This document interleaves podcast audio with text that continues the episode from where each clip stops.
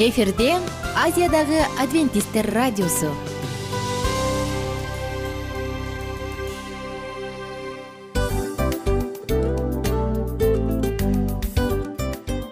Достор салют.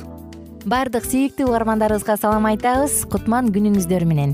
Ден соолук өмүрдүн булагы демекчи саламат саамы программасында баарыңыздарды көргөнүбүзгө абдан кубанычтабыз. Анда алгач амандашып өтөлү арбаңыздар деп. Ден соолугуңуздар кандай элибизде көбүнчө ден соолук кандай дегенде эле жакшы деп жооп беребиз э ооруп турсак дагы жакшы дейбиз. Анан мен муну айтып ойлойт элем бул абдан сонун сөз депчи анткени бул жакшы деген үмүт да э ооба баары жакшы болот баары сонун. Деп үмүттөнүп атып эле өзүбүздү өзүбүз дарылап коебуз. Анысы кандай? Сиздин дагы ден соолугуңуз жакшы беш деген үмүттөбүз чындыгында ден соолук бул өмүрдүн булагы деп бекеринен айтылган эмес деп ойлойм. Кыргыз элинде анткени эгерде ден соолук жок болсо анда адамдын жашоосунда калган баардык керектүү маңыздуу нерселер өзүнүн баалуулугун жоготуп коет. Ошондуктан ден соолук бул эң керектүү нерсе. Ооба туура айтасың кесиптешим. Чынында ден соолугуң жок бир эки үч күн ооруп калсаң эле э кандай болуп калат? Жашоодо көз каранды болуп каласың көп нерсеге жетишпей каласың көп нерсени кыла албай каласың жада калса эшикке дүкөнгө да чыга албай каласың. Туптуура анан ден соолук болсо демек биз биздин бактыбыз тоодой деп койсок болот. Анда достор саламат саамы рубрикабызды баштайлы. Алдыда өзүңүзгө керектүү болгон сонун кеңештерди уга аласыздар. Мына ошондуктан биз менен бирге болуңуздар. Ал эми биз болсо милан жана айнура. Кеттик алга. Алга саламат саама ден соолуктун жарчысы. Саламат саама ден соолуктун ачкычы. Күн сайын сиз үчүн мыкты кеңештер сонун жаңылыктар кызыктуу фактылар биздин рубрикада.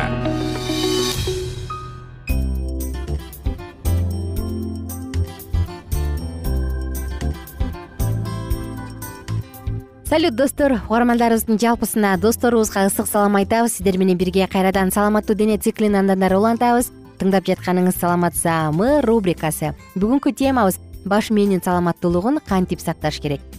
Бир аз эсиңизге сала кетсек мурунку уктурууда баш мээ денедеги башка органдардан эң жакшы курчалган бирок ошого карабастан ал башка кайсы бир инфекция жугуштуу ооруларга кайсы бир травмаларга туруштук бере албастыгын айтканбыз. Баш мээ жакшы иштеши үчүн ага негизги заттар бул кислород жана глюкоза керек экендигин айтып өткөнбүз жана достор эсиңизде болсо кандай азык түлүктөр дагы баш мээнин нейрондорун саламаттуу же болбосо ден соолукта сактай алагандыгын айтканбыз. Бүгүн ушул эле темабызды андан ары уланталы. Баш мээге кантип туура кам көрүш керек? Баш мээ негизи жылуу муздак күндүн нуру суу мунун баардыгына тең таасирин таасирленет экендигин айтканбыз анан кайсы бир коркунучтуу симптомдорду айырмалай билген жакшы. Эгерде сизде биз төмөндө санай турган симптомдордун бири бар болсо анда шашылыш түрдө доктурга кайрылыңыз. Баш оору баш оору жөн гана баш оору эмес жүрөк айлануу кусуу тең салмактуулукту жоготуу көздүн көрүүсүнүн бузулушу менен коштоло турган болсо сөзсүз түрдө доктурга кайрылыңыз. Анткени бул баш мээңизге коркунуч туудурулуп жатканынан кабар берет. Ошондой эле баардык баш оору бир жумадан көбүрөөк узара турган созулуп жаткан баш оору дагы сизге коркунуч жаратат. Колуңуздагы буттарыңыздагы алсыздык басып бара жатканда тең салмактуулуктун жоголушу эс тутумдун прогрессивдүү жоголуп бара жаткандыгы колдун калтырагы мунун баардыгы тең коркунуч туудурган симптомдор ошондуктан дароо доктурду көздөй жөнөңүз. Эмесе мээни тонуста кармай турган бир нече кеңеш айтсак. Биздин мээбиз дайыма туруктуу стимуляцияга муктаж. Баш мээни машыктырыш керек. Аны машыктырыш үчүн алмашуулар жана жаңы бир нерселер сөзсүз жардам бере алат. Мисалы өнөкөйүнөн эле айтсак күнүгө жумушка бара турган маршрутуңузду өзгөртүңүз менюңузду алмаштырыңыз жумушка же бир жерге барып келип жүргөн тааныш жолуңузду өзгөртүңүз. Андан сырткары китеп окуңуз кино көрүңүз мунун баардыгы тең жаңы маалымат алганга жардам берет. Жана достор кадимки эле жөнөкөй эле кроссворд толтуруп көнүгүү жасагандан көрө албетте ал да пайдалуу бирок өтө майдалуу эмес. Анын ордуна башка бир олуттуураак гимнастика жасаңыз. Албетте гимнастика дегенде эле денени чоюу эмес бул жөн гана фортопиано ойноо мисалы же болбосо жаңы чет тилин үйрөнүү элестетиңиз бул экөө тең. Кайсы бир музыкалык аспапта ойногонду үйрөнүү же чет тилин үйрөнүү мунун баардыгы тең. Эс тутумду укмуш өөрчүтөт моториканы жана сенсордук кабыл алууну өтө өөрчүтө турчу сонун каражаттар. Чет тилин билүү жана башка бир кайсы бир музыкалык инструментте ойноо мээни көбүрөөк ийилчээк жана эластивдүү кылат. Жана сөзсүз түрдө жылдын өтүшү менен сиз өзүңүздүн эс тутумуңузду жоготуу коркунучунан алысыраак болосуз.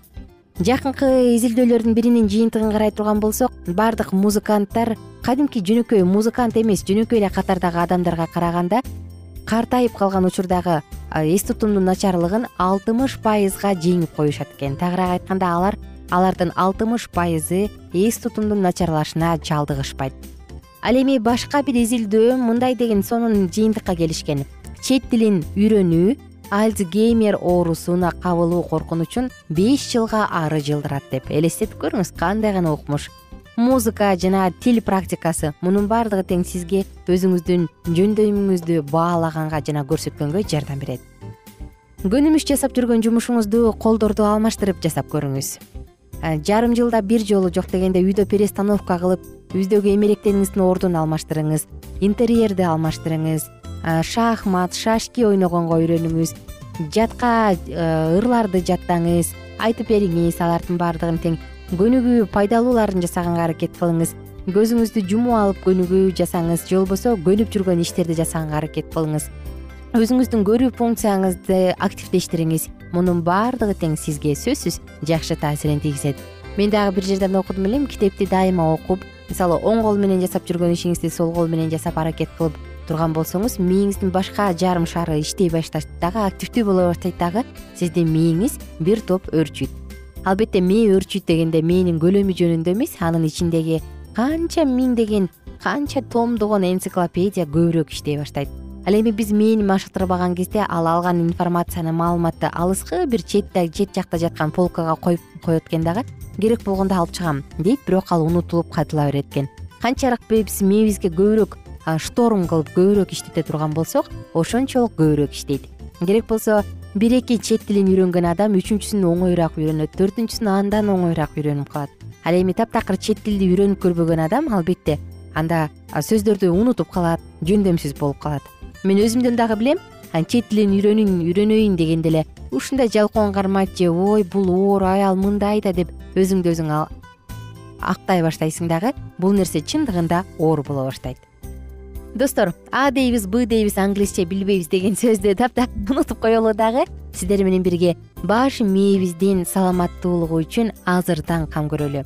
Мейли азыр канча жашта болбоңуз бирок сизге дагы бул нерселерди кылганга али учур бар али убакыт бар. Эгер жаш болсоңуз анда мен ойлойм дароо эле киришкениңиз оң деп. Достор бала чактан кичинекей кезден жаш кезден эле мээбиздин саламаттуулугу үчүн кам көрөлү. Анткени мээ мурункуда айтылгандай баардык нерсенин борбору.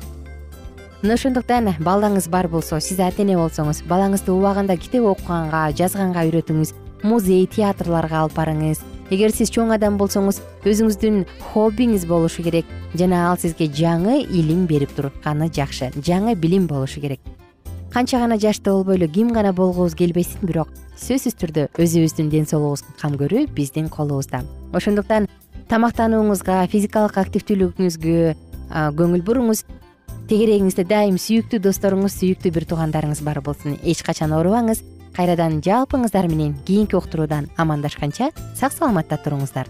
Күнүңүздөр көңүлдүү улансын бар болуңуздар саламат саама ден соолуктун жарчысы. Саламат саама ден соолуктун ачкычы. Күн сайын сиз үчүн мыкты кеңештер сонун жаңылыктар кызыктуу фактылар биздин рубрикада. Салют замандаштар баарыңыздарга ысык салам. Дил маек программабызга кош келиңиздер. Дил маек рубрикасы дегенде эле бул эмне болгон дил маек? Ким менен маектешебиз деп сурайт болуш керек угармандарыбыз бул рубриканы кыскача тааныштыра кете турган болсок ар тарап кесип ээлеринен болгон сонун интервью кеңештер бар. Ооба. жылдыздар менен болгон маек бар. Аталарыбыздын агаларыбыздын чоң аталарыбыздан сонун кеңештер бар. Ошондой эле эже сиңдилердин кеңештери бар. Айтор баардык кызыктардын баары алдыда негизи эле адам баласы бир кимдир бирөөнө ишенип сырын ачкысы келет эмеспи э мындай баарлашууга жакын келебиз го. Албетте. Негизи бир жерге отуруп алып кенен шашпай баягы жүрөктөн жүрөккө ачып сырларыбызды ар кандай көйгөйлөрүбүз менен бөлүшүп баягы чын жүрөктөн маек курганды кимибиз сүйбөйбүз э? Ооба десең ал нерсеге суусап да келебиз да. Ооба кээ бирде адамга чындыгында баягы э, ысык маек баягы жылуу маек жетишпейт да. Ошондуктан биз ушул рубриканы ойлоп тапканыбызда эң биринчи эле достор сиздер менен чын жүрөктөн бир маңыздуу темаларды козгоп кеткени э, кааладык. Ошондуктан ушундай сонун бир рубриканы тартуулап жатабыз. Анын үстүнө радио дагы сонун дос да анткени э, мындай учурда досуңа айтсаң досуң досуна айтат досу досуна айтат да анан бүт өлкө билип калышы мүмкүн го радио болсо сени сатпаган сенин айыбыңды ачпаган. Сенин сырыңды эч кимге айтпаган сонун досуң ошондуктан биздин алдыдагы айта турган кеңештерибизди биздин досторубуздун кеңештерин угуп анан ал жака пикириңизди дагы калтырып кайрадан биз менен байланышсаңыздар болот. Деги эле жашооңузга эгерде кичине болсо дагы өзгөрүү алып моралдык жактан нравовик жактан сонун бир кеңештерди алсаңыз демек биз максатыбызга жеттик. Ооба. Чыңгыз атабыз улуу жазуучу э, чыңгыз айтматов айткандай адам болуу бул күнүмдүк процесс экен. Күн сайын адам бойдон калуу бул адамзатка эң эле кыйын дейт э? э эң кыйын дейт. Чындыгында бунун э, негизинде адамдын эң баягы сапаттуулугу адамдын э, адамгерчилиги жана көптөгөн керектүү нерселер. Мына ошол темалар дагы бизде ушул дил маекте биз аларды да козгойбуз. Ден соолук жөнүндө да сүйлөшөбүз. Сөзсүз түрдө анан милан мырза негизи айтып коюшат го. Биз көбүнчө эмнени ойлонсок? Ошол нерсеге карата иш кылабыз го. Ооба. Анан анысы кандай? Балким бул радио баракчада кимдир бирөөнүн оюн текшергенге жардам берет кимдир бирөөнүн жүрөгүн текшергенге жардам берет. Балким кимдир бирөөгө жашоонун маңызын тапканга жардам берер. Айтор кызыктын баары алдыда бул жөн гана кыскача жарнама анда угармандарыбыздын баардыгын кийинки рубрикабызга чакырабыз. Ал эми кызматта маңдайымда отурган кесиптешим милан жана мен айнура. Анда эмесе биз даярдаган терең терең ойлор менен таанышууга кеттик. Алыс алыс баралык. Анда эмесе достор биз менен бирге болуңуздар. Алдыда эң кызыктуу маалыматтардын баардыгы бир нече мүнөттөр бою жалгыз гана сизге арналат мына ошондуктан жакшы маанай менен угууну каалайбыз. Үн алышканча. Жөнөдүк. Ар түрдүү ардактуу кесип ээлеринен алтын сөздөр жүрөк ачышкан сыр чачышкан сонун маек дил маек рубрикасында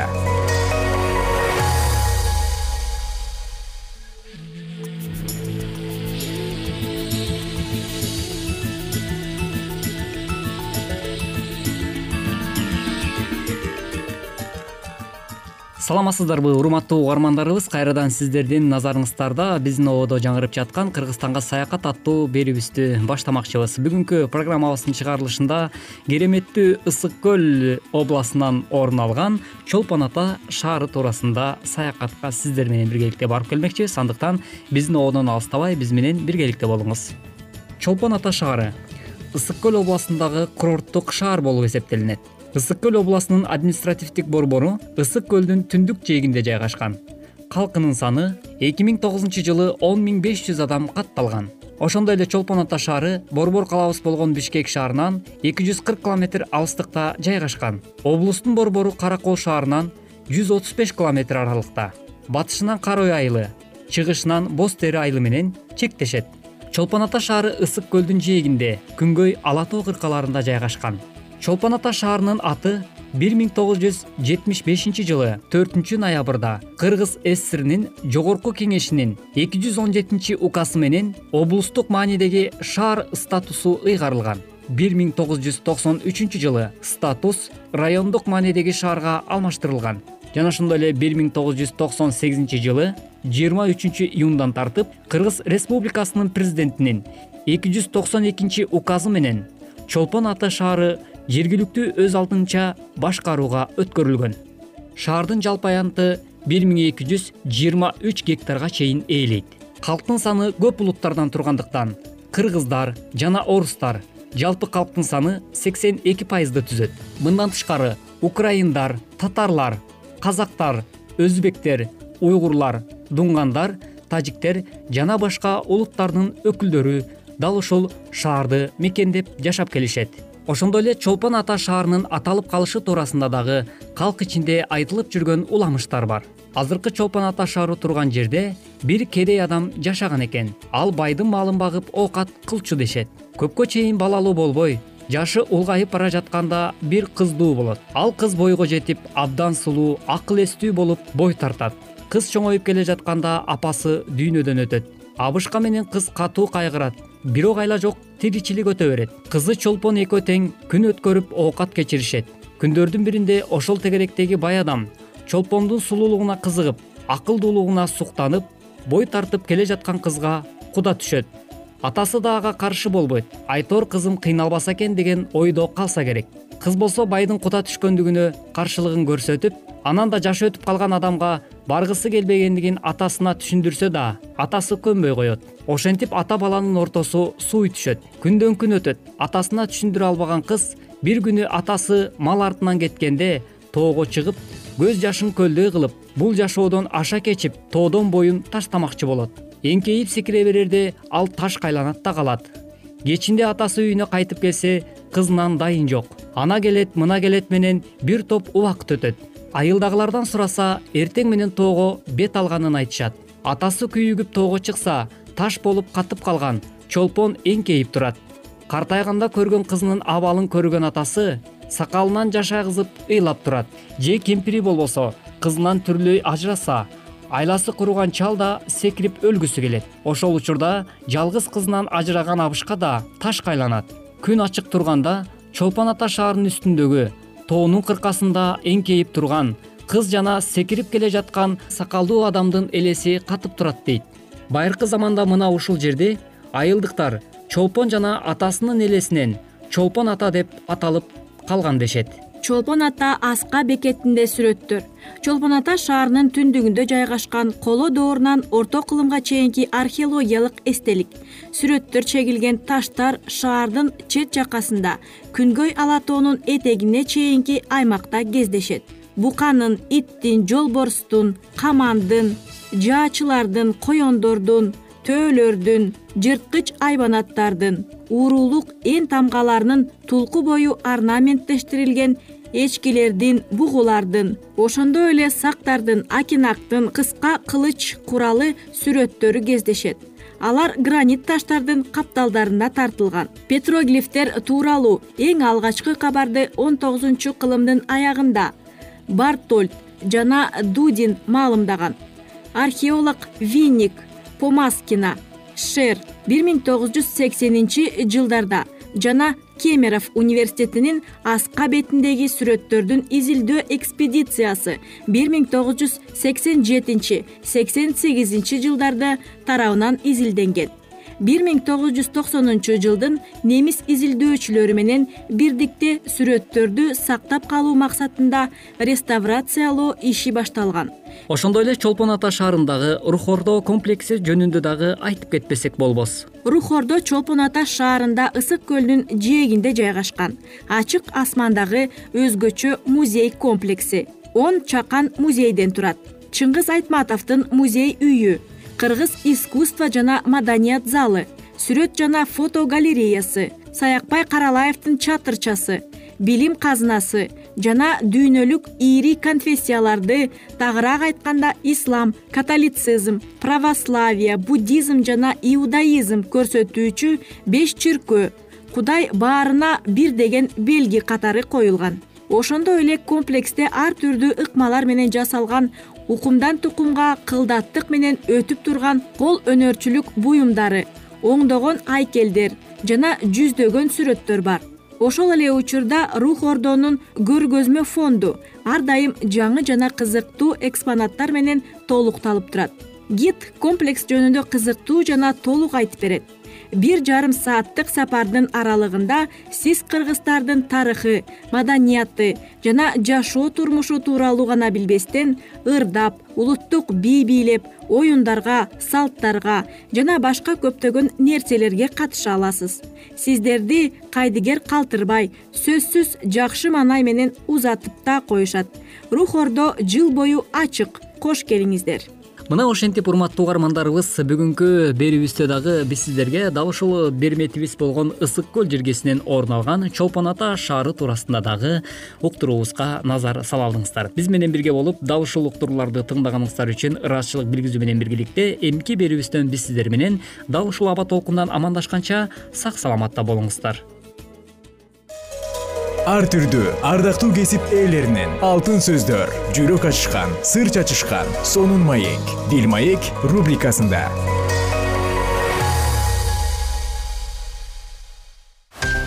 Жан дүйнөңдү байыткан жүрөгүңдү азыктанткан жашооңо маңыз тартуулаган жан азык рубрикасы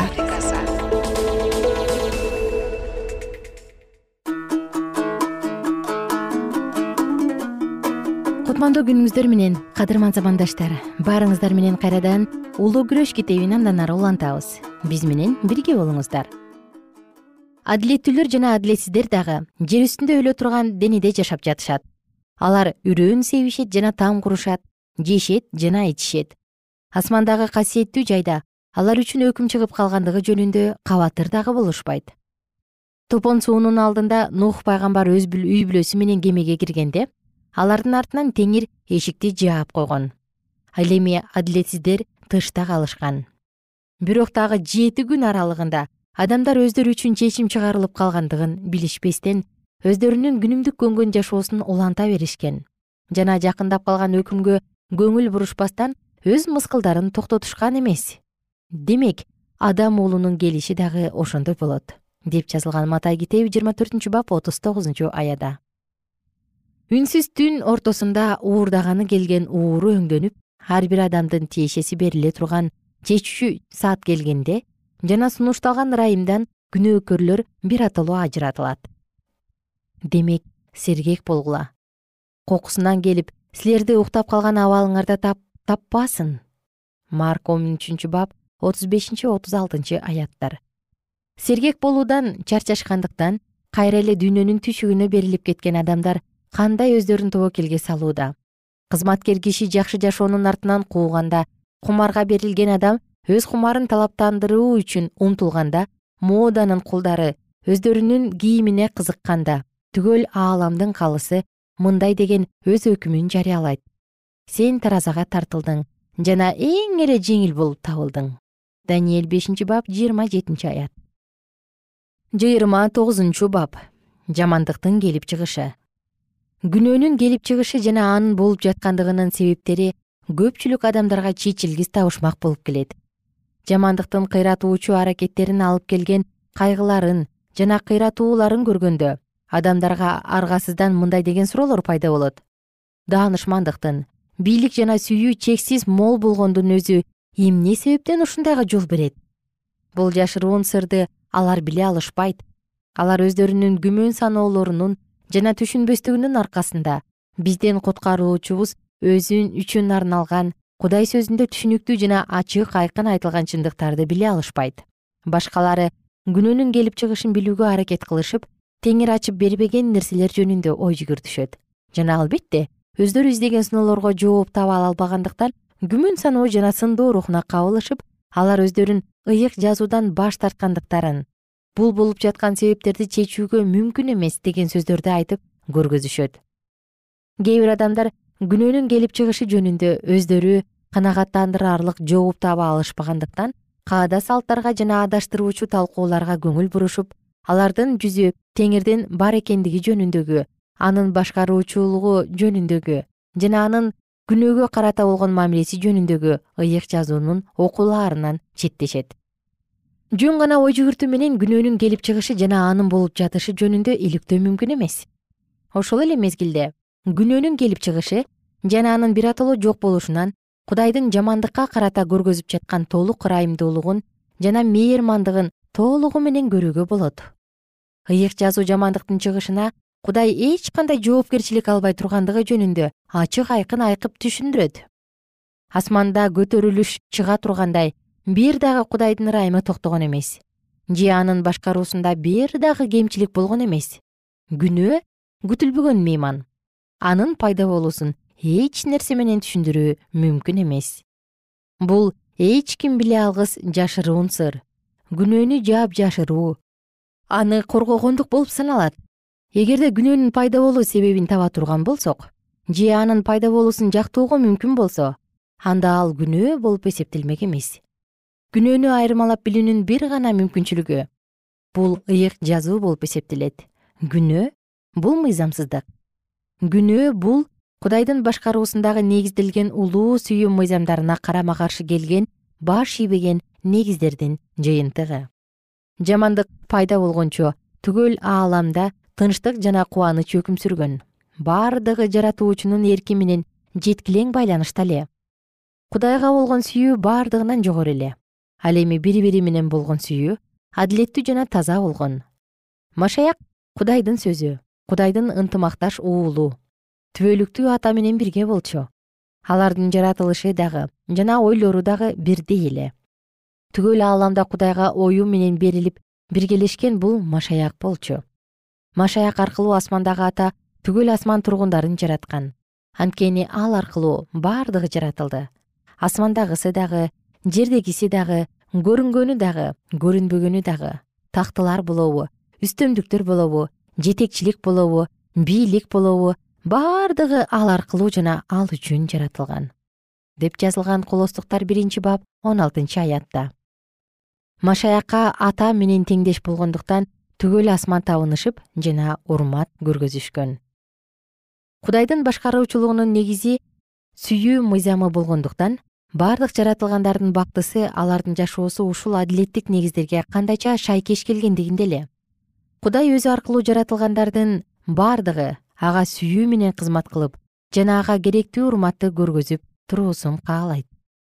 Мажбурлаган кызмат кылуулардан ал эч кандай рахат албайт. Ошондуктан ал бардыгына тандап алуу эркин белек кылган. Андыктан адамдар ага өз ыктыяры менен кызмат кылуулары зарыл бирок ушул эркиндикти көтөрө албай калган бирөө табылды. Күнөө алгачкы жолу машаяктан кийинки болгондо кудай аркылуу кадырланган. Башка асман тургундарынан өзүнүн кудурети жана даңкы боюнча жогору тургандын өзүндө пайда болот. Өзүнүн кулоосунан мурда шайтан биринчи каалоолорго арналган күнөөсүз жана ыйык периште эле. Кудай теңир мындай дейт. Сен сонундуктун так эле өзүсүң акылмандыктын чегисиң сулуулуктун таажысысың. Сен эдемде кудайдын багында болчусуң. Сенин кийимдериң ар кандай асыл таштар менен жасалгаланган. Сен калкалоого арналган периште элең жана мен сени ошон үчүн койгом. Сен кудайдын ыйык тоосунда болгонсуң оттуу таштардын арасында жүрчүсүң. Сенден мыйзамсыздык табылганча сен жаралган күнүңдөн тартып баскан жолуңа барып турган сонун элең достор кайрадан амандашканча сак саламатта туруңуздар.